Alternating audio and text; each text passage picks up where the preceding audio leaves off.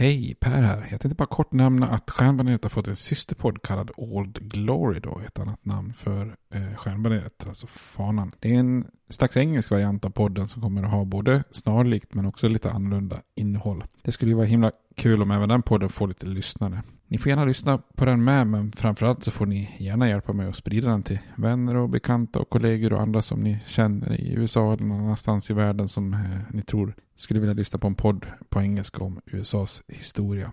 Tack, det var bara det jag ville säga. Nu kommer avsnittet. Hej då!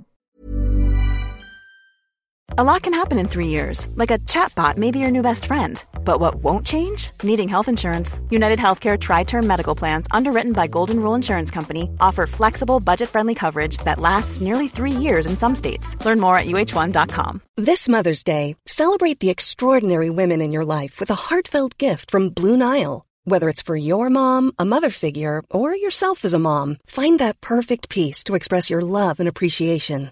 Explore Blue Nile's exquisite pearls and mesmerizing gemstones that she's sure to love. Enjoy fast shipping options like guaranteed free shipping and returns. Make this Mother's Day unforgettable with a piece from Blue Nile. Right now, get up to 50% off at BlueNile.com. That's BlueNile.com. Planning for your next trip? Elevate your travel style with Quince. Quince has all the jet setting essentials you'll want for your next getaway, like European linen, premium luggage options, buttery soft Italian leather bags, and so much more. And is all priced at 50 to 80% less than similar brands. Plus, Quince only works with factories that use safe and ethical manufacturing practices. Pack your bags with high-quality essentials you'll be wearing for vacations to come with Quince. Go to quince.com/pack for free shipping and 365-day returns.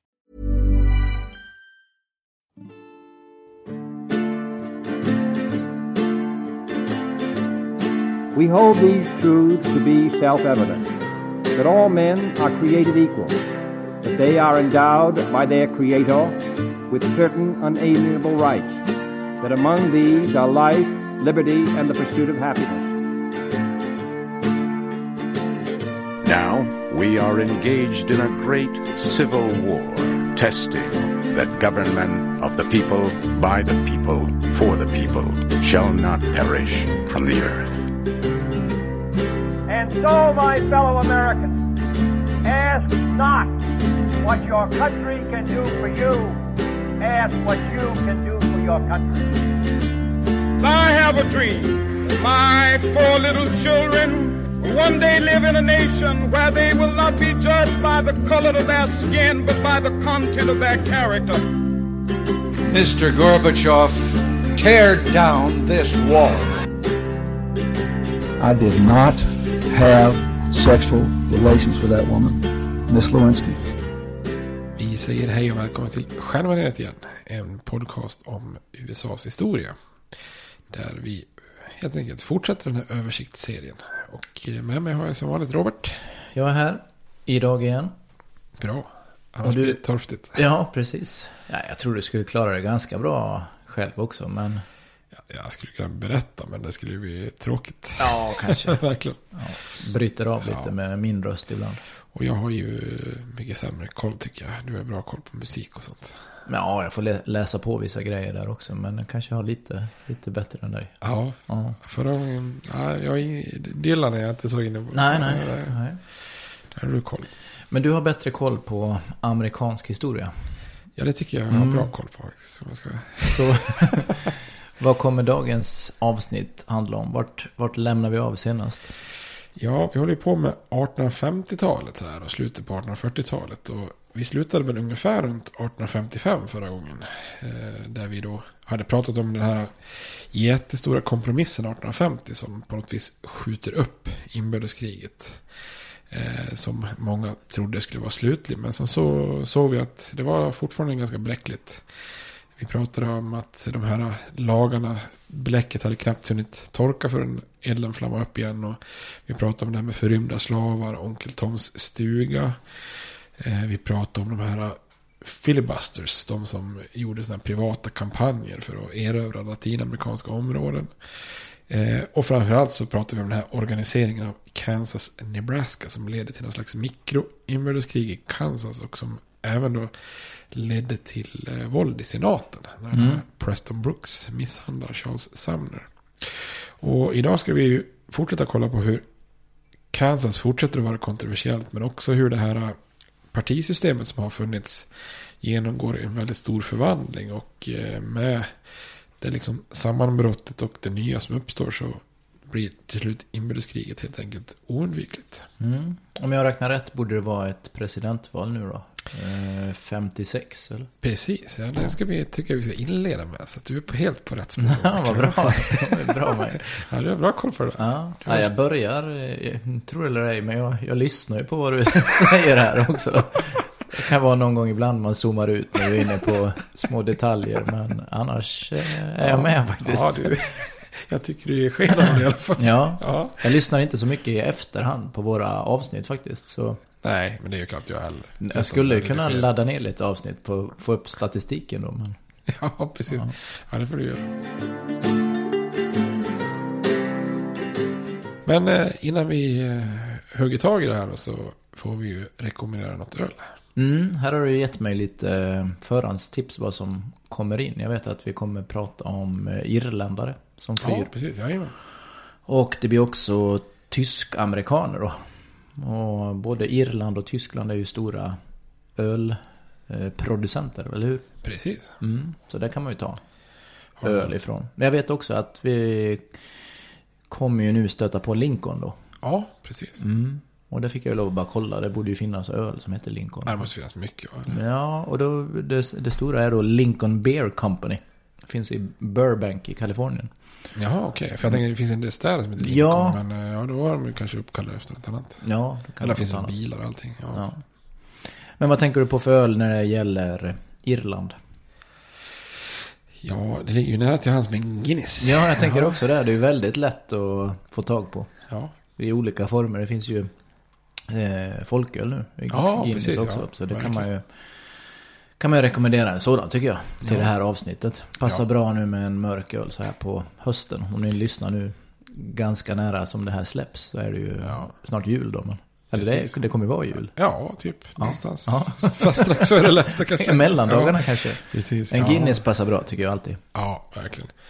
Ja, jag var lite inne på, vi kommer att prata mer om han John Brown. Jag var inne på att det fanns öl som uppkallade efter honom. Som oftast verkar vara någon form av brown, brown ale. Och eh, där jag fick jag, fick bara med mig en liten eh, udda händelse här. Det finns ju en, om man tänker en klassisk brown ale från Storbritannien så är det den här Samuel Smith.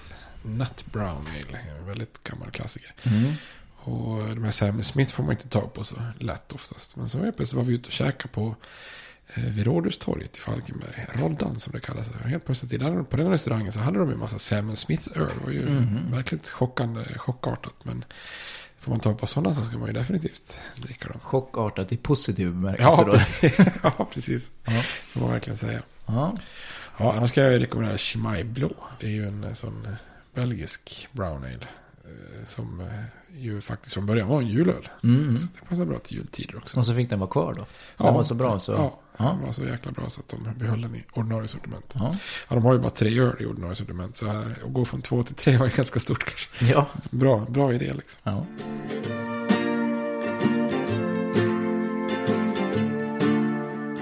Men precis som du var inne på, det är ju dags för ett presidentval och eh, inför det här presidentvalet 1856 så kan man säga att hela det här partisystemet som har funnits med det här demokrater och wig-partiet är ju helt i kaos då. Och det är ju nu i det här kaoset som eh, republikanerna uppstår. Eh, och det är ju mycket de här ideologiska motsättningarna mellan nord och syd över slaveriet som innebär att de här liksom tidigare nationella strukturerna börjar falla samman. Då. Det börjar faktiskt med att vissa religiösa organisationer, baptister och metodister och sånt, de kommer inte överens och det blir en nordlig och en sydlig del av utav de här kyrkorna. Då. Men på 1850-talet så faller ju det här andra partisystemet då, eh, samman då. Eh, och eh, det går lite långsammare för demokraterna, de överlever lite längre. Men och de överlever ju framförallt fram tills idag också. Även om mm. mycket har ändrats. Men Wing-partiet kommer absolut inte kunna överleva längre. Eh, och eh, man, det är ju många i södern som lämnar Whig-partiet för att ansluta sig till Demokraterna. Så de blir ju väldigt starka just i södern. Då. Men i norr så eh, när man lämnar Whig-partiet så finns det en väldigt brokig skara av eh, partier att och liksom välja på som dyker upp här efter Whig-partiet. Eh, och i mitten på 1850-talet så med facit i hand vet vi att det är Republikanerna som blir det dominerande partiet. Men just där och då så är det lite osäkert. Det finns flera alternativ som dyker upp då. Och det parti som först såg ut att bli mest framgångsrikt det är det så kallade amerikanska partiet. Eh, som är ett slags, eh, vad ska man säga, nationalistiskt anti-immigrantparti. Det brukar kallas för nativism. Eh, alltså främlingsfientlighet i USA. Och det här partiet, det amerikanska partiet, växer fram från ett hemligt sällskap. Eh, som från början då skulle man inte erkänna att man var med i sällskapet. Eh, och då, om man fick frågan så skulle man då svara I know nothing. Eh, och det gör att det här partiet, det amerikanska partiet, börjar helt enkelt kallas för Know Nothing. Mhm. Och så lite konstigt där, för när man läser om det här så är det liksom ett, ja det finns ett politiskt parti, de heter Know Nothing. Det låter jätteknäppt egentligen. Ja, väldigt. Eh, men som det, Know Nothing är som ett begrepp. Eh, och det står för det här partiet då. Och anledningen till att de är väldigt populära är att för om vi säger 1850-talet, det blir mycket slaveriet nu. Men det finns ju andra händelser i USA som också präglar 1850-talet. Och en sån är ju immigration då. Eh, och immigration är ju nästan en lika kontroversiell fråga i, i nordstaterna som slaveriet under en period. Då. För backar man och tittar liksom från amerikanska revolutionen fram till ungefär kriget 1812 så då är det ganska lågt inflöde av emigranter då. Men efter 1815 och när det är fred med Storbritannien så börjar emigranterna öka sakta. Och sen fram, fram till 1845 och sen 1845 så exploderade det. Och mellan åren 1845 till 54 då, om man tittar på den ungefär tioårsperioden så då inträffar landets kanske då största våg av emigranter i historien då om man tittar till hur stor proportion de utgör i jämförelse med den totala befolkningen i USA. Då. Eh, under de här ungefär tio åren så kommer det 2,4 miljoner människor till USA. Då. De allra flesta till nordstaterna som vi pratade om innan. Och 1860, precis innan inbördeskriget, så är USAs befolkning 31 miljoner. Och då är var åttonde invånare är utlandsfödd när man eh, kommer till det. Då. Är det här den största perioden också för svenskarna som emigrerar? Nej, det här är ju, svenska emigrationen börjar ju komma lite här. För Karl-Oskar och Kristina kommer ju under den här perioden. Så de kan, mm. Eller ja, jag tänkte säga de kändaste, men de finns ju inte på nej, riktigt. Nej. Ja, men det kändaste eh, litterärt exemplet är ju under den här perioden faktiskt. Men eh, det blir ju fler och fler som kommer i slutet på 1800-talet. Och mm. jag tror att, jag undrar om inte piken, jag ska inte säga helt svära på det, men jag tror att piken är nästan runt 1900 där. Mm. Eh, fram till första världskriget. Så och slutet på 1800-talet, även de flesta eh, från Sverige. Då, så att säga. Ja. Men de två största grupperna av emigranter som kommer här är ju irländare och tyskar. Och det är ju väldigt många som flyr Irland på grund av någonting som heter potatispesten. Den kommer ju under några år där. Eh, och härjar och det blir ju en enorm svält. Så att det är ju jättemånga irländare som svälter ihjäl när de inte får, eh, när potatisskördarna misslyckas. Eh, när det gäller tyskarna då så, så flyr ju många en misslyckad revolution 1848. Som, ja, det är lite politiskt och religiöst förtryck som gör att man då kommer. Men det kommer ju som sagt också lite britter och skandinavier, även lite kineser under de här åren. Och tittar man då på de här grupperna, så förutom britter så, så, så tycker ju många att de här grupperna är väldigt annorlunda. Eh, Irländarna beskrivs ju som väldigt fattiga, lortiga, våldsamma, alkoholiserade, allmänt hopplösa, hopplös grupp tycker man då. Dessutom är de ju då kategori, äh, kategoriker, katoliker mm. eh, i ett land där protestantismen dominerar stort. Eh, vilket ju då gör att man, bara där är man ju misstänkt direkt mm. liksom. Eh, och tyskarna om man jämför så är de oftast betydligt mer bättre utbildade och duktigare hantverkare och sånt där. Då. Men tyskarna tenderar ju också att emigrera i större grupper och så håller de gärna ihop då, språkligt och kulturellt. Vilket också gör att de sticker ut. Då. Eh, och även bland tyskarna så är det ju många katoliker och judar som gör att religiöst blir lite annorlunda. Då. Men även Skandinavien som man ser till norskar och svenskar då, uppfattas ju som lite annorlunda. Då. Eh, det räcker ju bara att titta på den här delen i eh, St. Paul i Minnesota där som kallas för Swedes, Swede Hollow. Där liksom svenskarna var verkligen liksom samhällets bottenskikt och Mm. man brukar beskrivas som fattiga, lortiga och så. Eh, Det här har ju, finns en bra bok av Ola Larsmo som, som heter Swede, jag tror den heter Swede Hollow. Mm. Ja. Eh, Där kan man ju verkligen läsa mer om, om de här fattiga svenska emigranterna som hamnar där. Eh, Och det finns ju många amerikaner då i norr som inte direkt välkomnar den här floden av emigranter. För man gillar, man ogillar språk, kultur och så vidare. Och framförallt inom de här protestantiska rörelserna så finns det ju mycket som gränsar till någon slags hysterisk antikatolicism då. Eh, Och man oroar sig då för att, ja, tar de med sig sin fattighet och sin revolutionära radikalism nu när de kommer till, eh, till landet liksom. Ja, samma främlingsfientliga debatt som finns Mm, mm. då som nu eh, i olika länder. Och det här amerikanska partiet då, No Nothing-partiet, de förespråkar ju då sådana saker som att det ska ta längre tid för att bli medborgare, att, kat att katol katoliker, kan inte säga kat kat katoliker inte ska få inneha vissa ämbeten eh, och så vidare. Och de vinner jättestora framgångar i de här mellanårsvalen och lokala val 1854. Man vinner till exempel alla platser utom två i den lägre kammaren i Massachusetts. Alltså rena rama storsegern liksom. Mm. Och i kongressvalen så lyckas man faktiskt få in 40 kandidater i representanthuset. Så att eh, de har ganska stora framgångar till en början. Då. Och deras främsta motståndare i, i nordstaterna då när, eh, förutom demokrater då, eh, det är då det nybildade republikanska partiet som först heter lite olika saker då. Och republikanerna de samlar ju alla slaverimotståndare under sitt baner då. Alltså tidigare whigpartister eh, men också en del före detta demokrater. Och så alla de här som har stött de här Liberty och Free Soil-partierna som vi har pratat om tidigare då. Så för många i norr så är ju de två mest kontroversiella frågorna vid den här tiden slaveriet eller immigrationen. Och beroende på vilket man tycker är viktigast då, så, så röstar man på eh, No Nothing eller Republikanerna. Och 54 ser ju de här No Nothing, det amerikanska partiet, starkast ut. Eh, men bara två år senare, 56, så eh, skulle Republikanerna vinna väldigt stora framgångar i, i de valen. Då. Och man kan väl säga inför det presidentvalet 56 så är det ju då de här händelserna som vi har pratat om. Blödande Kansas, Mm blödande Sumner och eh, Bully Brooks som han kallas för. Och han som slog Sumner. Det blir ju helt enkelt det som sätter debatten inför presidentvalet. Så då seglar slaveriet återigen upp som den viktigaste frågan som inget parti kan, kan ducka igen då. Men du frågar om eh, presidentvalet 56. Mm. Eh, och det är ju ett väldigt rörigt val. Så att jag ska försöka att reda ut det här. Du får, du får ropa om du, eller ropa behöver du inte göra, mikrofon. Du får säga till om det blir rörigt här. Jag ska se vad kan Blir det många olika kandidater nu då? Från de här olika partierna? Ja, Eller det blir lite konstigt. Och så vissa kandidater nomineras av flera partier och olika. Ah, så det blir ja. väldigt så. eh.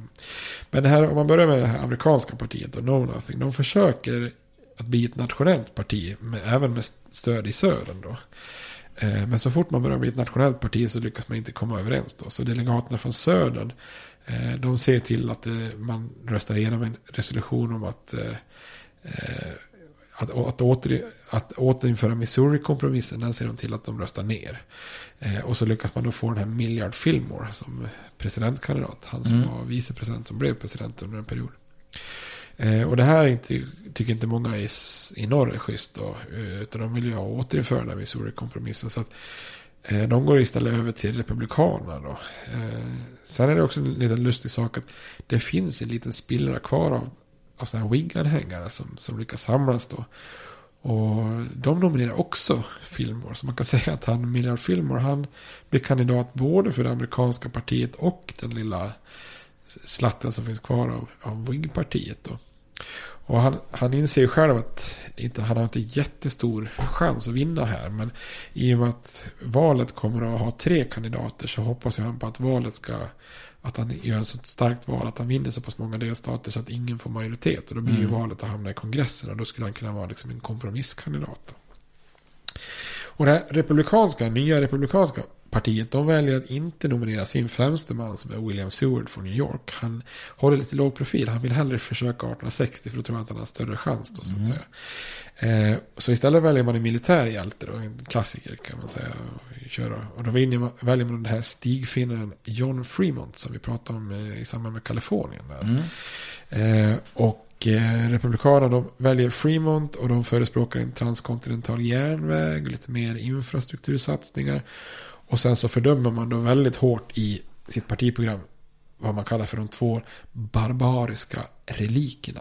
Vilket då är polygami och slaveri. Så att Mm. man riktar sig mot eh, mormonerna och södern kan man säga. Ja.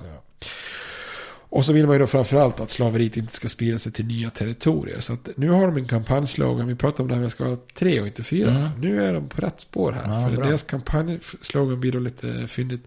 Free soil, free speech and free mont. Ja, Ja, det är bra.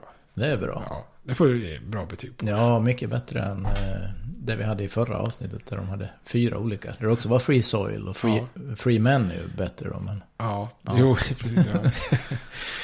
Ja. eh, och Demokraterna, de väljer att inte nominera den sittande presidenten Franklin Pierce då.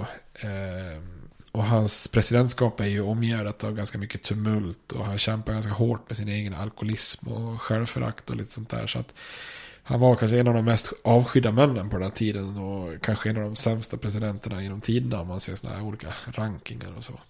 Eh, en av de som hade hoppats på att bli Demokraternas kandidat är han Stephen Douglas, The Little Giant. Mm. Eh, men efter allt tumult kring det här Kansas-Nebraska så vill ju inte Södern ha honom som kandidat längre. Eh, så istället lyckas man då vaska fram en man som heter James Buchanan från eh, Pennsylvania. Som är en före detta senator och utrikesminister. Då. En ganska blek man, men han, fördelen är att han är acceptabel då för både nord och syd. Utseendemässigt eller vad menar du? Break? ja, ah, blek som, eh, eller vad han säger, så ganska dålig utstrålning. Ja, ja, ja. Mm. Ingen större talare. Eller, ja, lite halv, mellanmjölk Mm. hända så att säga. Eh, och eh, partiets plattform förespråkar då en hård efterlevnad av den här lagen om förrymda slavar. Eh, och eh, Södern ser till att man slår fast att kongressen inte ska kunna röra slaveriet varken i delstater eller territorier. Då. Så det här valet 56 det finns egentligen bara en enda nationell kandidat och det är ju då Buchanan för Demokraterna då. Och man kan säga att han i söder så strider han då främst mot det här eh, ja, Fillmore då som representerar både det amerikanska partiet och Whig-partiet. Medan Buchanan då i norr får slåss mot republikanen Fremont. Eh, och Buchanan vinner starkt i södern. Han vinner alla slavstater utom Maryland som är den enda som han Fillmore vinner. Men i nordstaterna så går han Fremont väldigt stark. Han vinner eh, 114 elektorsröster. Mm. Men eftersom Buchanan vinner fem stycken av de fria staterna och det är ganska stora stater. Det är Pennsylvania, New Jersey, Illinois, Indiana och Kalifornien. Plus södern då så vinner han med 174 elektorsröster. Så då blir James Buchanan landets femtonde president. Då hade jag koll på ordningen. Hade du det? Ja. Bra. Ja. Eh, eh, och eh, han är faktiskt den sista som eh, föddes på 1700-talet. Hädanefter kommer alla presidenter vara födda på 1800-talet då. Nej, inte alla. Vad sa du? Alla presidenter kommer inte vara födda på 1800-talet. Nej, inte om vi kommer fram till senare. Nej. Nej. Men under en tid nu Ja, så kommer alla vara precis, ja, födda. Precis. Det ju bli spännande att se vem som blir den sista som är född på 1800-talet då. Ja, det får vi kolla. Det måste du Det måste vi hålla reda på nu. Ja, ja, ja. Ja. Eh, och han, James Buchanan då, han, eh, han har aldrig gift sig faktiskt. Så att han blir den första som inte har någon first lady där i... Mhm. i, eh, i eh, Ingen fästmö eller någonting? Nej, typ ingenting Nej. verkar som. Så att han har någon annan släkting där som, eh, brorsdotter eller som sköter lite det, det som First Lady brukar sköta. Så att- Men han har ju en imponerande karriär bakom sig, både politiskt och diplomatiskt. Han har suttit i kongressen i över 20 år, har varit ambassadör till både Ryssland och Storbritannien och varit eh, Polks eh, utrikesminister faktiskt. Så han har ju en väldigt bra CV, James Buchanan. Eh, men han, eh, likt när Pierce kommer han i praktiken att anses vara en av de sämsta presidenterna någonsin. Då. Mhm. Och i nordstaterna är man ju rädd för att han ska vara en riktig sån här doughface, alltså att han ska vara helt Söderns marionett då. Och det får de ju helt rätt i. Eh, och eh, det är ju tydligt redan i hans installationstal. För att i hans installationstal så pratar han om det berömda fallet i högsta domstolen som heter Dred Scott-fallet.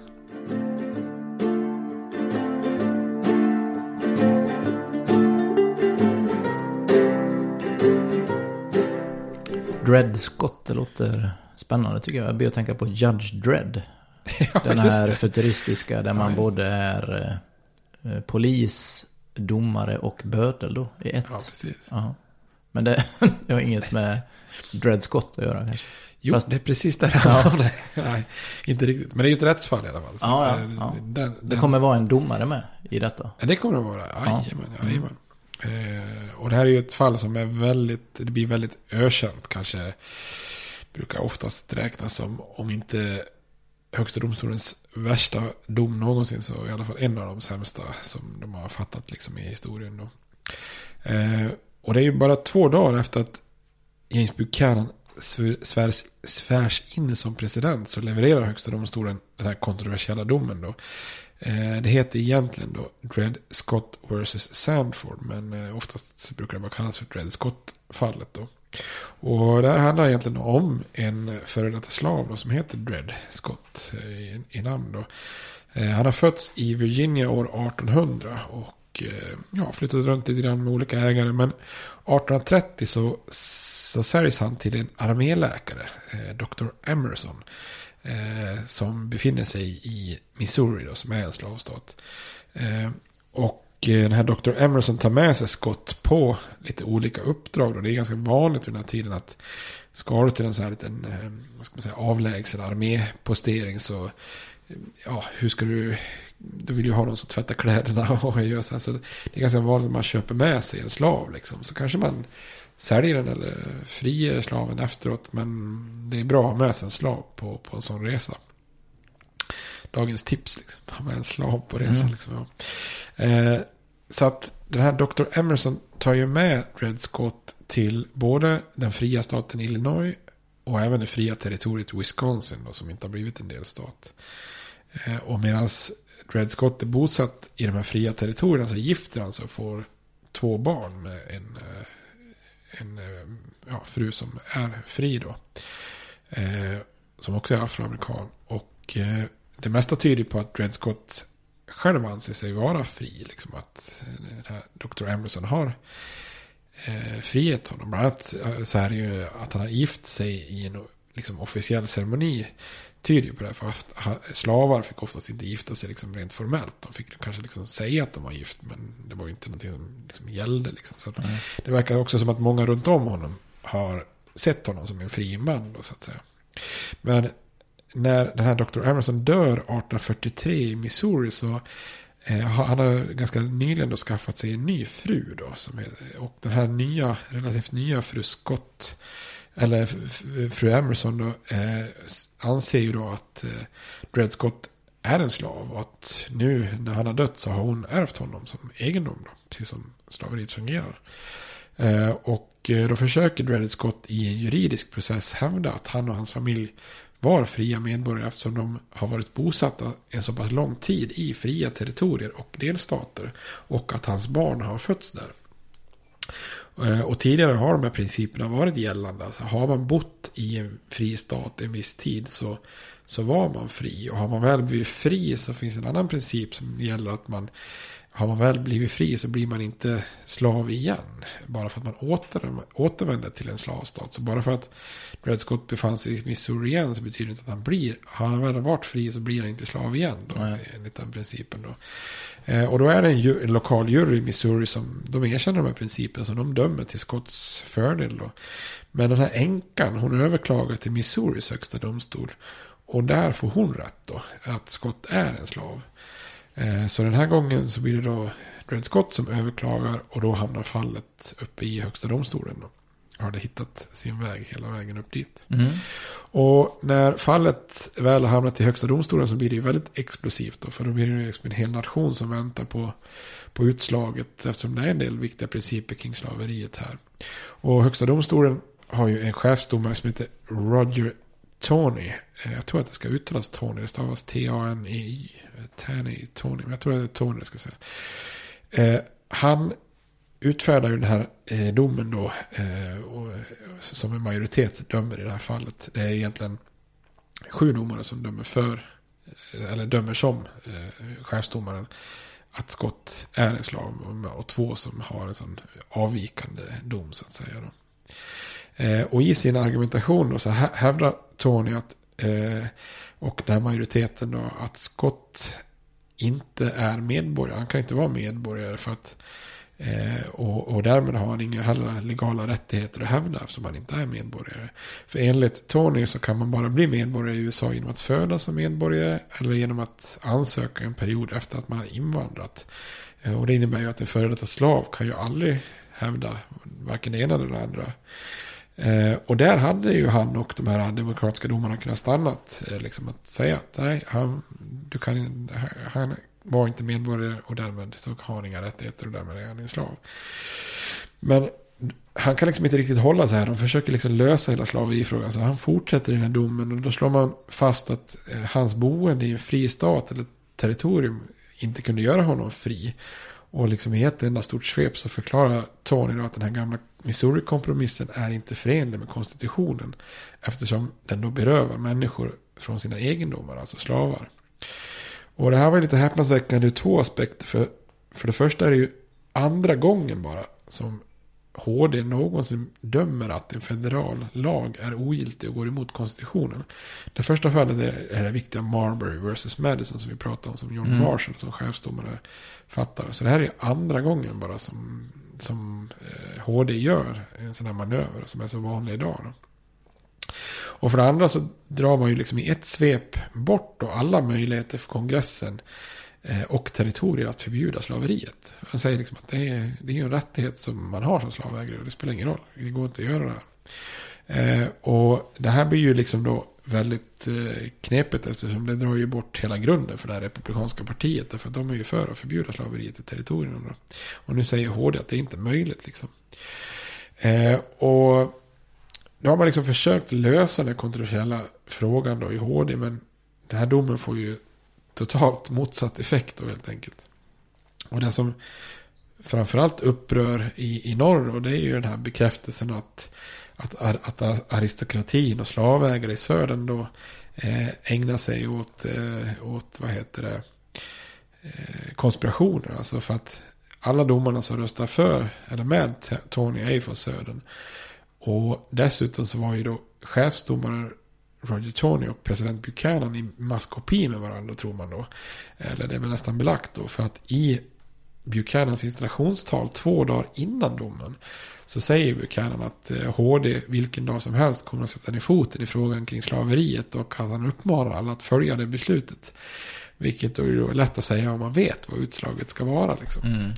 Eh, och det verkar väl mer eller mindre som att någon har ju då skvallrat och läckt. Och i nordstaterna ser man ju det här som en stor konspiration från södern då. Eh, och man ser det också som ett brott mot den här maktdelningsprincipen. För att då är ju HD och eh, presidenten i maskopi med varandra. Det är ju två olika makter. De ska ju inte ha med varandra att göra. Liksom. Nej. Dessutom är ju den här domen också får ju väldigt mycket kritik och det är väl också det som den har fått mycket kritik i efterhand. Den är ju också lite motsägelsefull för om nu Dred Scott inte var medborgare och inte hade möjlighet att överklaga. Varför blev det då ens en dom? Liksom? Mm. Det borde inte ha blivit det. Så i norr så, så anser man ju att Dred Scott-fallet är ett, brukar kallas för obiter dictum. Alltså att, att ett uttalande som inte är nödvändigt för att fatta ett beslut i fallet. Då. Och då tycker man inte att den här texten som kommer efteråt är bindande. Eh, eller någon anmärker om att det är lika moraliskt vikt, viktigt att följa den här domen som, vilken, eh, som vilket beslut som helst fattat av vilken grupp av människor som helst på en random bar i Washington. Liksom, Mm. För att det har, hade ingenting med fallet att göra. Då. Men i södern så jublar man ju, för där menar man att det här Dred Scott-fallet det är ju bindande då. Och då menar man att det här John Calhouns gamla princip om att slaveriet aldrig någonsin kan förbjudas i territorierna nu är landets konstitution. Eh, och då menar man att kongressen inte bara har en skyldighet att inte röra slaveriet eller en rättighet. Utan att då ska ju kongressen också skydda slavägarnas egendom där. Så de tycker att nu är det dags att ta nästa steg i, i att skydda slaveriet. Då. Så det gör ju att det här Dred Scott-fallet brukar ju lyftas fram. Det är ju väldigt, liksom, om man läser idag så är det liksom, formuleringen blir ju väldigt rasistisk. Liksom. En Mm. svart person kan aldrig någonsin vara medborgare, liksom, har inga rättigheter som vita ska respektera överhuvudtaget. Så att bara liksom formuleringarna är ju ganska horribla. Men eh, det brukar lyftas fram då som kanske en av de värsta domar som högsta domstolen någonsin har fattat ur, flera av de här aspekterna. Då. Mm. Eh, Och samtidigt som Dred Scott-fallet kommer då så fortsätter också kampen i eh, Kansas. Mm. Har vi John Brown där också då. ja, man ska kunna tro det. Jag kommer komma till honom. Han har flyttat österut. nu, Har han flyttat? ja, han Ja. kommer att ställa till eh, jävelskap i en annan landsända Ja, snart. ja. Men i, i Kansas då så fortsätter det vara ganska rörigt då. Buchanan, så president, har ju lovat att nu ska det vara rättvisa val den här gången. Det ska inte vara de här konstiga valen liksom. Men det här går ju åt skogen då. För slaveriförespråkarna i, territoriet, de lyckas kalla till ett konstitutionskonvent för att skriva en konstitution. Och, och de- samlas i orten Lecompton. Så att eh, det brukar kallas för Lecompton-konstitutionen då. Och där vill man ju då göra Kansas till en slavstat. Eh, och eftersom slaverimotståndarna inte anser att de kommer att få en rättvis folkomröstning kring konstitutionen så bojkottar de valet. Och det innebär att den här konstitutionen med slaveri röstas igenom med siffrorna 6226 mot 569. Så det är en ganska stor majoritet för. Då. Men slaverimotståndarna de har ju istället makten i den lagstiftande församlingen då i, i Kansas. Och de de arrangerar ju då en ny folkomröstning kring konstitutionen. Och då, då blir slaveriförespråkarna lite sura. Så då bojkottar de den omröstningen. Så den, den slutade med 10 226 röster för. Bara, eh, eller emot konstitutionen och 138 för. Mm. Eh, och det här blir ju på något sätt att den lokala demokratin och självstyret i Ka- Kansas blir ju liksom rena skämtet. Och, det är ju, och tittar man på de här siffrorna så är det ganska uppenbart att kombinerar man resultaten så är det en klar majoritet eh, i Kansas som är emot slaveriet. Då. Men Buchanan han sätts ju då under enorma påtryckningar från södern. Och det här innebär att han då proklamerar att han kommer att stödja den här Lecompton-konstitutionen med slaveriet. Då.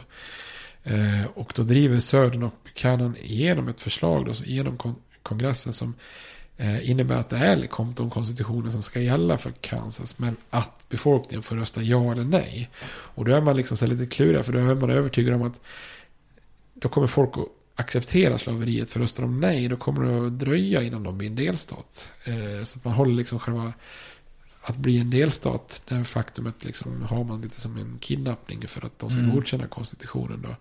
Men man missberäknar för att eh, i augusti 1858 så förkastar befolkningen i Kansas den här Lecompton-konstitutionen. Och det är ganska rejält då med rösterna 11 300 röster eh, mot konstitutionen och bara 1788 för. Då. Mm.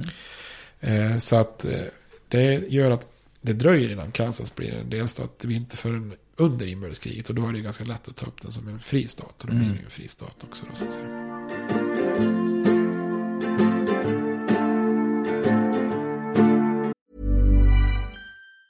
In the market for investment-worthy bags, watches, and fine jewelry, Rebag is the answer.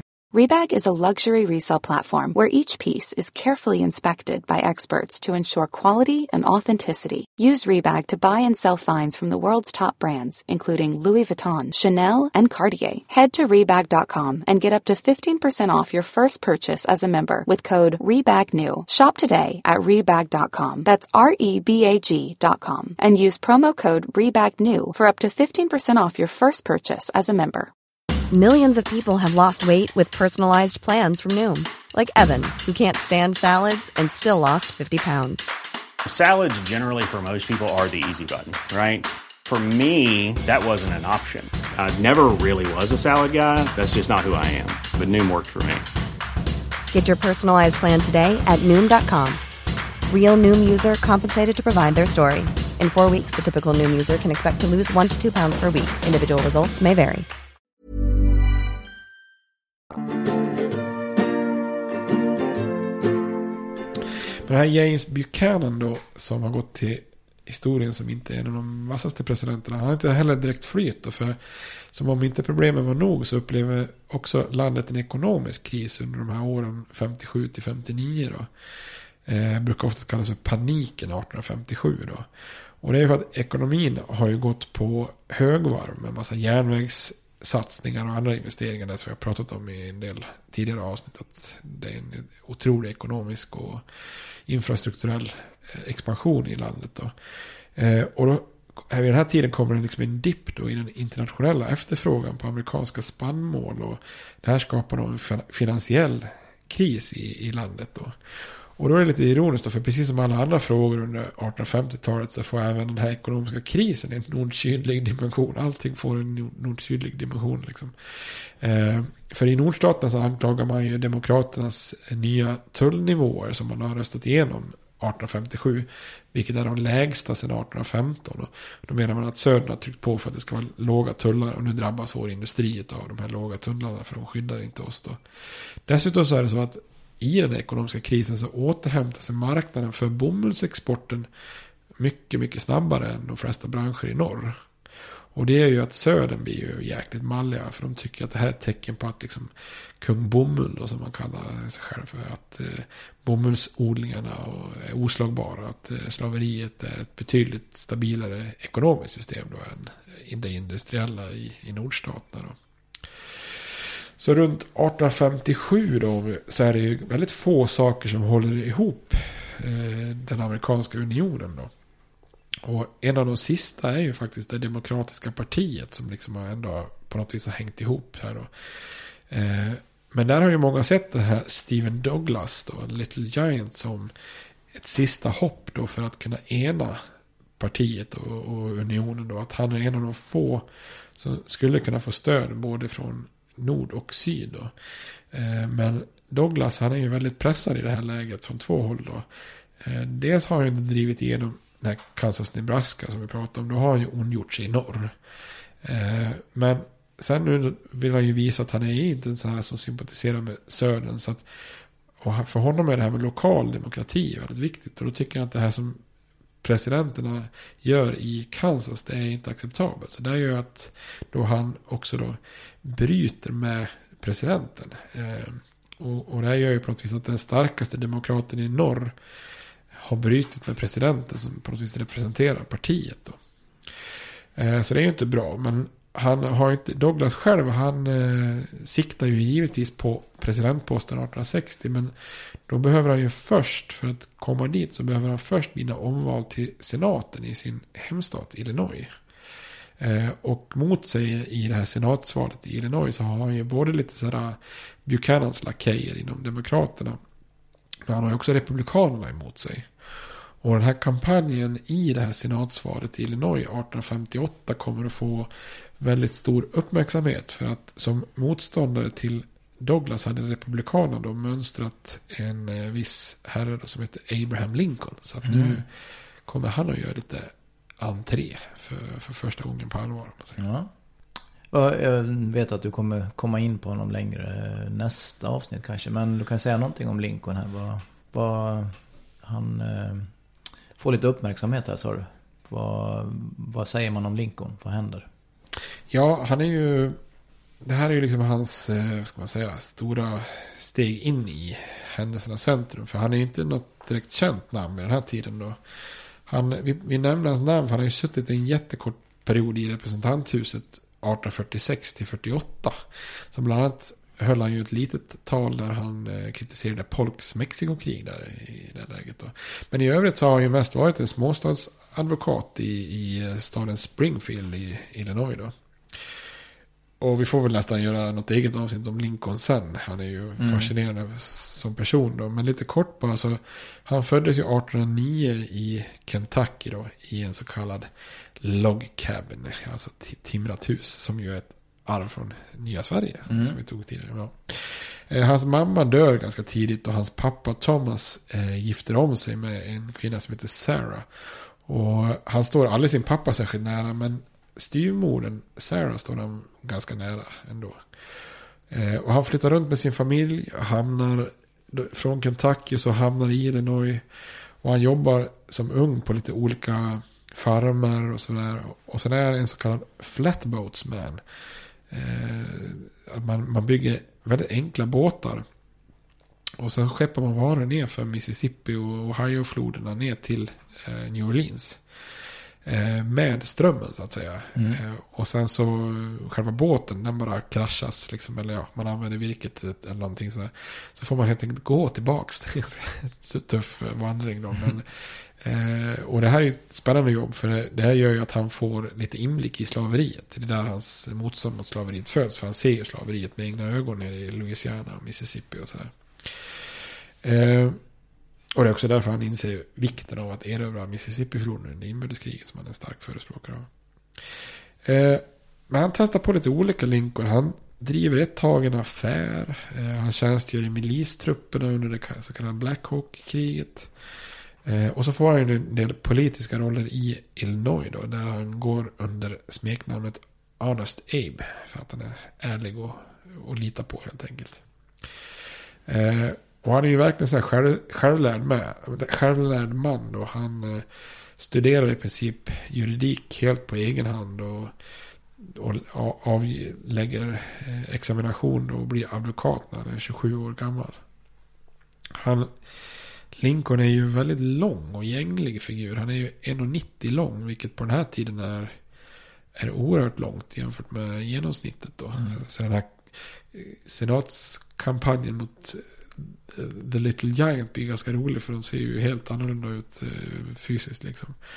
Eh, men han beskrivs som väldigt stark och väldigt bra på brottning och hantera en yxa. Så han är ju liksom, han är uppväxt där på vischan och stark figur är han ju då. Eh, han älskar ju böcker, kanske därför han är min idol då. Och läste gärna högt för grannar och vänner och sådär. Vilket någon menar på var kanske ett sätt för att slippa jobba. Han sitter här och läser för folk liksom och sådär. Eh, men det här gör att han blir väldigt, väldigt bra på att berätta historier och skämt och sånt där. Han har väldigt så här bondförnuft som man eh, märker i hans kommentarer liksom under kriget och sådär. Eh, 1842 så gifter han sig med en tjej som heter Mary Todd. Och de får fyra barn tillsammans då. Fyra söner. Men det är faktiskt bara en som överlever vuxenlivet. De andra dör när de är 4, 12 och 18 år, 18 år respektive. Och eftersom både båda två var väldigt barnkära så är det ett hårt slag. Och Lincoln är ju känd för att han går in i väldigt melankoliska perioder då. Och enligt vissa blir ju Mary mer eller mindre galen då. Så att eh, efter inbördeskriget så placerar han en av, den, den ena överlevande son, sonen henne på mentalsjukhus under en kort period. Mm. Eh, men efter den där korta svängen i kongressen och inom politiken och där Lincoln representerar Whig-partiet så så kommer han tillbaka till politiken. Han, det, han säger själv att det är den här Kansas-Nebraska-lagen 54 eh, som väcker liv i hans engagemang igen. Eh, och då följer sig ju liksom väldigt naturligt att bli eh, republikan då. Eh, och han är ju ingen så radikal republikan och inte säkert konservativ heller. Utan en ganska så här mitten, mittentypen. Eh, Eh, men han är benhård i sin tro på att slaveriet i grunden är fel och att det inte ska tillåtas att spridas mer. Eh, utan att man snarare måste börja strypa det sakta. Då. Men han är heller ingen riktig så abolitionist som vill avskaffa det omedelbart och kräver att eh, södern ska avskaffa slaveriet på en gång när det existerar så att säga. Utan han har ju som många andra i norr ganska svårt för att tänka sig att svarta och vita ska kunna leva liksom jämlikt sida vid sida, liksom integrerade. Så han är en av de som Eh, förespråkar sån här återkolonisering till Afrika. Då. Men de här debatterna mellan Lincoln och Douglas i Illinois 1858 de inträffade ju precis efter Dred Scott-fallet. Och på sätt och vis var de här debatterna ganska briljanta då, för på, de sammanfattar ju väldigt mycket den synen man hade på slaveriet i norr. Då. Eh, Douglas som egentligen inte bryr sig överhuvudtaget utan att anser att lokal demokrati är det viktigaste. Liksom. Han ger ju uttryck för vad man idag skulle säga väldigt rasistiska uttalanden. Men också Lincoln som erkänner att han, han, han, tycker, han har svårt att se eh, att svarta och vita ska kunna leva tillsammans. Men som ändå ser att slaveriet är någonting som i grunden är fel och måste förbjudas i territorierna. Då. Eh, oftast blir det lite felaktigt. De här debatterna äger rum från norr till söder i Illinois. Och i södra Illinois det är väldigt nära slavstaten med mycket före detta slavägare. Och där där är ju Lincoln lite smidigare i uttalandena. Liksom. Mm. Så att, men- och då lyfter man ofta fram de uttalandena som, nej han var inte alls emot slaveri. Liksom. Nej. Men man får ju titta lite grann var, var de debatterar så att säga.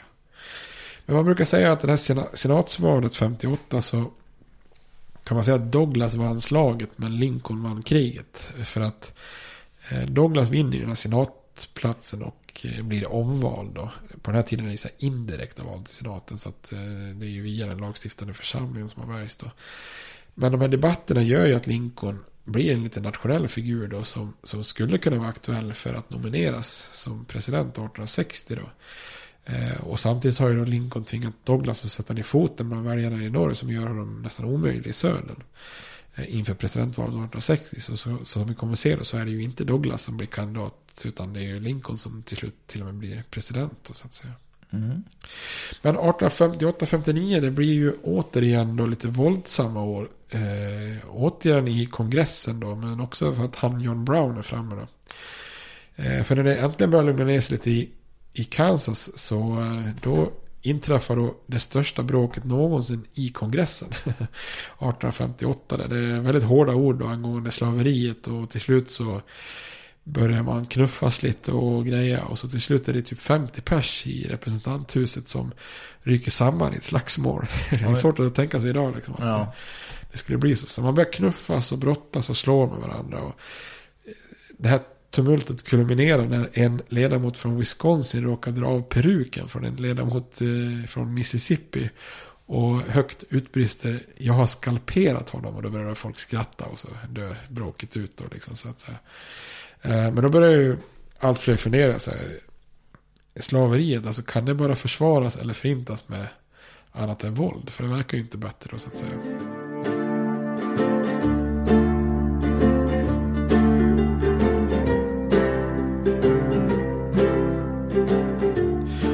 En av dem som har bestämt sig för att försöka avsluta slaveriet med våld. Det är ju återigen John Brown. Bra, snyggt. Den satte du. Eh, jag, jag, jag tänkte jag skulle ge dig lite ledtrådar men du satte den ändå. jag tänkte, jag tänkte eh, skogstokig, religiös. Bred, bredsvärd eller vad Ja, precis. Gillar svärd. Ja, nej, du behövde inga, eh, inga ledtrådar. Nej, John Brown han har ju faktiskt flyttat bort från Kansas och tagit sig österut igen med sin familj då. Och han har ju blivit helt besatt av den här tanken om att avskaffa slaveriet och på något vis också skapa jämlikhet mellan raserna. Han är väldigt positivt inställd till afroamerikaner jämfört med många andra vid den här tiden. Då. Och han har den här religiöst, religiösa driven och han ser sig själv som Guds verktyg då. Och, så det blir som ett personligt korståg mot slaveriet som han ska föra då. Så han är som en stereotyp, alltså det är nästan som att man har hämtat honom från gamla testamentet som, eh, som figur eller karaktär Mm. på något vis. Då. Och vissa slaverimotståndare och abolitionister som, de hade ju låtit sig luras att, från uppgifter om att Brown inte alls personligen hade varit delaktig i den här massakern i eh, Potawatomi som vi pratade om i Kansas där med de här svärden och det där. Eh, och när John Brown reser runt och i New England där flest abolitionister finns så är det ju många som ja, men de blir lite imponerade över ja, här har vi ju egentligen någon som vill stå upp mot slaveriet och kämpa liksom och så i Kansas och så. Eh, och han skriver också en massa brev till rika abolitionister och ber om lite bidrag till sina insatser och sådär. Men det som väldigt få vet om det är att om de ger han bidrag så bidrar de inte alls till kampen i Kansas utan hans nya plan är att initiera ett stort slavuppror på östkusten. Och det är, det är lite oklart hur många som faktiskt förstår vad det är han på väg att göra. Eh, några misstänker vad det är han försöker göra och uppmanar dem att avstå. Eh, en till exempel är ju den berömda ex-slaven som vi pratade om, Frederick Douglass. Eh, Mm. Som, även om han på sätt och vis kanske sympatiserar med planen så förstår han ju liksom att det här är ju helt lönlöst. Liksom, så här kan du inte göra. Men ja, hur som helst. Eh, Brown han går i alla fall vidare och hans tanke är då att slå till mot en federal vapenarsenal på orten Harpers Ferry i Virginia. Eh, idag ligger det väl formellt sett i delstaten West Virginia, men den finns ju inte med det här, eh, vid den här stunden då. Men det ligger väldigt fint eh, Harpers Ferry ligger på en liten höjd där floderna korsas eh, precis i gränsen mellan Maryland och Virginia och West Virginia. Mm. Eh, väldigt fint landskap. Jag har varit där och kikat lite. Mm. Det var, ja, det är spännande. Men han gör som så här att han eh, i oktober 1859 så eh, strax innan har han skaffat en, en farm i Maryland och inte så långt från Harpers Ferry. Där han då samlar 20 kumpaner av vilka fem stycken är afroamerikaner. Och så bunkrar de lite vapen och gör sig redo då på något vis. Och sen då eh, är ju hans plan att inta den här federala vapenarsenalen och sen börja beväpna slavar i området med vapen då. Eh, från den här arsenalen. Och sen så tänker han, han, eller han ser framför sig att massa slavar ska flockas till det här upproret då. Eh, han ska kunna beväpna dem ganska snabbt. Ska de inta liksom starka positioner i det bergiga eh, västra Virginia då. Eh, där de kan hålla stånd. Och sen så om upproret blir riktigt stort så ska de kunna ta sig söderut liksom i Appalacherna. Och, och sen liksom se till att upproret sprids ut i, i flera av söderns stater då. Men det är ju ganska problematisk plan det här. Det finns många problem med den här planen. Dels är den ju väldigt ambitiös för att börja, till att börja med då. Eh, och och det största problemet med hela John Browns räd och planen det är ju att alltså det viktigaste i, i ett slavuppror, vad är det? Viktigaste Ja. slav. Eh, Mycket folk eller vapen? Ja, precis. Det är lite upproriska slavar är ju, är ju Ja, det han behöver. Och då har han räknat med att 250 till 500 slavar ska ansluta sig redan första dygnet när de gör upproret. Då. Mm. Eh, Men det märkliga är att de sprider ingen som helst information till slavarna i området. Eh, eh, Så i närområdet så får- försiggår ju allting precis som normalt. Det är ju, de flesta har ingen aning om att det pågår något uppror eller någon räd. Liksom. Så i slutändan så är det två slavar som strider för John Brown då. Men de verkar mer eller mindre ha blivit tvingade, tvångsrekryterade in i det Mm. där. Däremot så när de då intar den här vapenarsenalen så sprids ju information eh, ganska snabbt bland den vita befolkningen i området. Så på morgonen dagen efter så har man ju förstått vad som har hänt och då börjar man ju samlas. Så på förmiddagen har ju den lokala milisen mer eller mindre omringat Browns gäng då. Eh, och skurit av alla flyktvägarna. Eh, så Brown och hans kumpaner de barrikaderar sig då i en byggnad och är beredda att försvara sig då. Och sen har ju de också varit klantiga då för att de har ju stoppat ett tåg som passerar Harpers Ferry. Eh, Och då har de av en oklar anledning dödat en person. Men sen låter man tåget fortsätta österut. Så att eh, nyheten om det här upproret är ju liksom dagen efter är det ju framme i Washington. Liksom. Eh, vilket ju är konstigt också för de har ju klippt telegrafledningar i övrigt. Vilket ju är helt o- onödigt om de skickar iväg ett tåg. Liksom, så kunde de ju skitit att klippa av eh, telegrafledningar också då. Så president Buchanan han skickar ju dit marintrupper då, ledda utav överste Robert E. Lee som ju är känd sedan under inbördeskriget då. Eh, han råkar befinna sig i Washington på permis från Texas liksom så att man passar på liksom att använda honom då. Så eh, Lee och eh, en löjtnant som heter James Joel Brown då, eller Jeb Brown som också vi känner under inbördeskriget skickas dit med lite trupper då. Och på morgonen den 18 oktober så stormar Stewart och marintrupperna det här barrikaderade huset och påhejar av tusentals i publik då. Eh, och en av trupperna hittar John Brown när han står på knä och eh, laddar om eh, sin, sitt gevär. Och slår han då medvetslös med eh, ja, handtaget eller baksidan, eller vad heter det? Hjalt eller vad heter det på svärdet? Det är inte Ja, kolven? Nej. Nej, inte, inte gevär utan Nej. eh, baksidan av svärdet. Ja, det heter väl det- hjalt. Ja. Eh, svärdfästet eller ja, så. Eh, och i och med att John Brown slås till medveten, medvetenhet och de stormar då, så är det här upproret över då. Så vi kan ta lite fakta, lite siffror på upproret då. Eh, Brown och hans gäng har dödat fyra personer och skadat nio. Av upprorsmakarna då har tio dödats, varav två är Browns egna söner. Eh, Sju av upprorsmakarna fångas och fem lyckas helt fly då. Och alla de fem faktiskt känns ju sen som soldater i nordstaten. Då. Men eh, den mest häpnadsväckande siffran är ju antalet befriade slavar. Noll. Så att det här har inte gått så särskilt bra då. Så Brown han döms ju då ganska omgående för landsförräderi då och anstiftan till uppror. Och den 2 december 1859 så hängs han då. eh, Och strax efter så hängs sex av kumpanerna då. Så som slavuppror så är ju Browns räd mot Harpers Ferry helt misslyckat. Men den här räden får ändå väldigt stora följder då. För det första blir ju John Brown en martyr i norr. Mm. För de allra flesta tar så, i norr tar ju såklart avstånd från hans våldsamheter. Men många har också gett upp hoppet om södern. Och då börjar man fundera på om slaveriet verkligen bara kan bekämpas med ord. Eller om det liksom behövs våld då.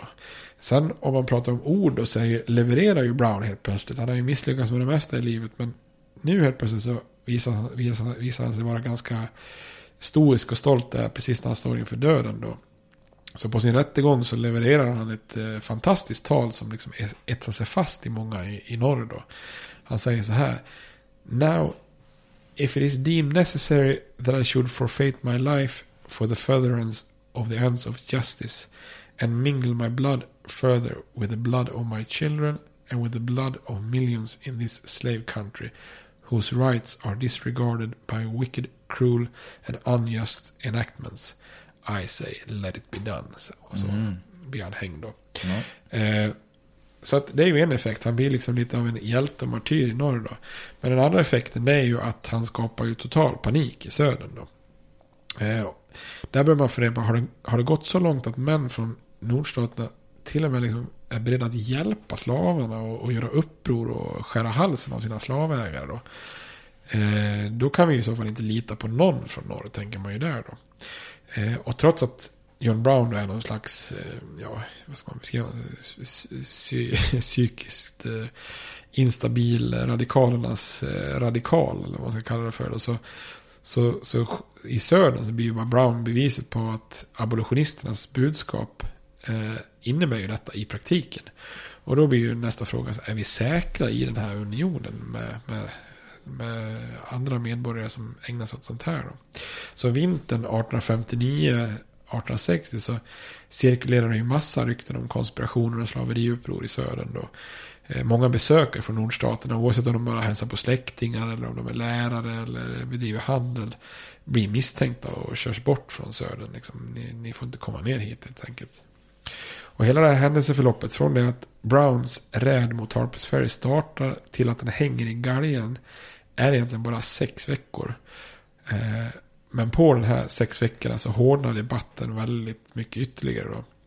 Och den kanske mest förödande följden är att många i södern nu då gör, egentligen gör likhetstecken mellan sådana här radikala militanta abolitionister och det republikanska partiet. Då. Mm. Så att man ser liksom inte skillnad på John Brown eller Abraham Lincoln. Liksom. Det blir för dem bara någon som hotar deras Mm. samhällssystem. Då. Och, och detta är ju då precis när det är dags för presidentval. Eh, 1860 som det här eh, inträffar då. Och ungefär fyra månader efter presidentvalet. Då är ju inbördeskriget ett faktum. Mm.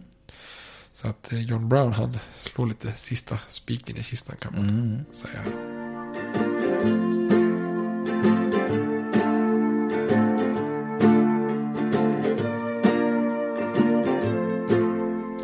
nu är vi verkligen framme vid inbördeskriget. Ja. Ja, har fått prata lite John Brown igen. Ja, han dök upp igen. Yes. Har vi något annat skoj vi kan prata om? Nej men du tipsade om den här låten som sen blir... Du sa att den var stor under inbördeskriget då. The Body of John Brown, va, eller? Ja, det John. John Browns Browns Body. Body, ja. ja. Men den går i samma takt som en annan låt, eller vilken kom först? Har du hört den eller? Ja, någon gång har jag hört den. eh, Är inte? Din, din, din, din, Jo, precis, ja. Ja, precis, ja. Den Ja. är väl känd? Ja. Eller är det här den får sin melodi? Jag vet inte. Nej, jag undrar om inte, det är ofta så att de tar melodin från något Ja. annat. Jag har inte koll på exakt den här grejen. Men jag är säker att de har tagit melodin från något annat och satt ny text eller något sånt Ja, där. men, ja, den är ju, men den är väldigt känd i alla fall. Ja, Jag tänker på det så här inbördeskrigsspel. Det brukar vara de där låtarna. ja precis, precis. Jag vill du ha något mer eller? Ja. Nu har vi inte tagit några nya platser eller sådana saker. Men för något eller några avsnitt sen så pratade vi om att jag tyckte det snyggaste eh, klubbmärket var det här Detroit Tigers, kommer du ihåg det? Ja, jag inkluderade den på det jag Ja, jag såg det. avsnittet. Ja, jag såg det på Insta att du hade... Ett löfte till dig. Mm. Ni får ju följa oss på Insta, och Ja, det Facebook och Twitter. Ja. Men jag vet, vi, vi har ju sagt det tidigare, vi åkte ju då när vi gick på gymnasiet framförallt, ja högstadiet också, åkte vi ju till Stockholm och käkade på Klock och köpte skivor och framförallt... Klocka, jag på många år. Nej, Framförallt kepsar då köpte vi. Ja, ja. Och då, det tror jag vi har pratat om också, att du köpte den här Fighting Irish ja, just det. kepsen. Och det är ju inget specifikt lag, det är ju snarare universitetet där. Notre Dame. Ja, precis. Notre Dame. Vart ligger det? Där Och det är någon av eh, öststaterna tänkte jag säga. Nordöst där, är det inte det? Jo, det måste det vara. Mm. Med eh, någon sorts eh, irländskt arv då kopplat till det. Eh, och, och mm, den vet jag att det var avundsjuk på. Men jag, jag tror jag hade för mig att det var ett lag då. Men det är ju alla deras lag kallas ju då Fighting Irish. De har ju college-sport i, ja hur många sporter som helst där när jag försökte titta. Så vissa större än andra. Men amerikanska fotbollen är väl ändå störst som college-sport. Följt av basket skulle jag säga. Ja, det är Ja. väl, eh, ja, de är väl stora. Ja. Men jag vet inte om det här Notre Dame är med i den här, um, de mest liksom populära universiteten. Det som heter Ivy, vad heter inte det? Ivy League eller vad heter det? Ja, Ivy League. Nej, jag tror inte det. Jag Nej. vet inte. Det måste vara ett annat. Så den, eh, den kepsen, tänk om du kan få fram den. Det var ju en liten leprechaun typ som, Ja, just det. Just som det. boxades där. Mm. Annars är ju not, eh, just Notre, Notre Dames märke också ganska snyggt. Men inte i klass med Detroit Tigers, det tycker jag inte. Jag, jag sökte snabbt. Indiana var de ifrån. Ja, Indiana. Ja. Jag trodde det låg längre österut, men det är det inte. Ja, det är hyfsat långt öster. Ja. Så det kan vi väl avsluta med. Ja, lite Fighting Irish. Ja. det kommer vi komma tillbaka till nu med inbördeskriget. Ja, Då finns ju den så kallade Irish Brigade. ja Som, spännande. eh, Man, som eh, var känd där. Som, då var det ju mycket Fighting Irish tror jag Ja. uttrycket kommer ifrån. Bra. Kanon. Men då tackar vi för idag. Ja, Tack. ha det gott. Hej. States like these and their terrorist allies constitute an axis of evil. And if the hippies and the yippies and the disruptors of the systems that Washington and Lincoln as presidents brought forth in this country will shut up and work within our free system of government, I will lower my voice. if the impeachment provision in the Constitution of the United States will not reach the offenses charged here, then perhaps that 18th century Constitution should be abandoned to a 20th century paper shredder. Therefore, I shall resign the presidency effective at noon tomorrow.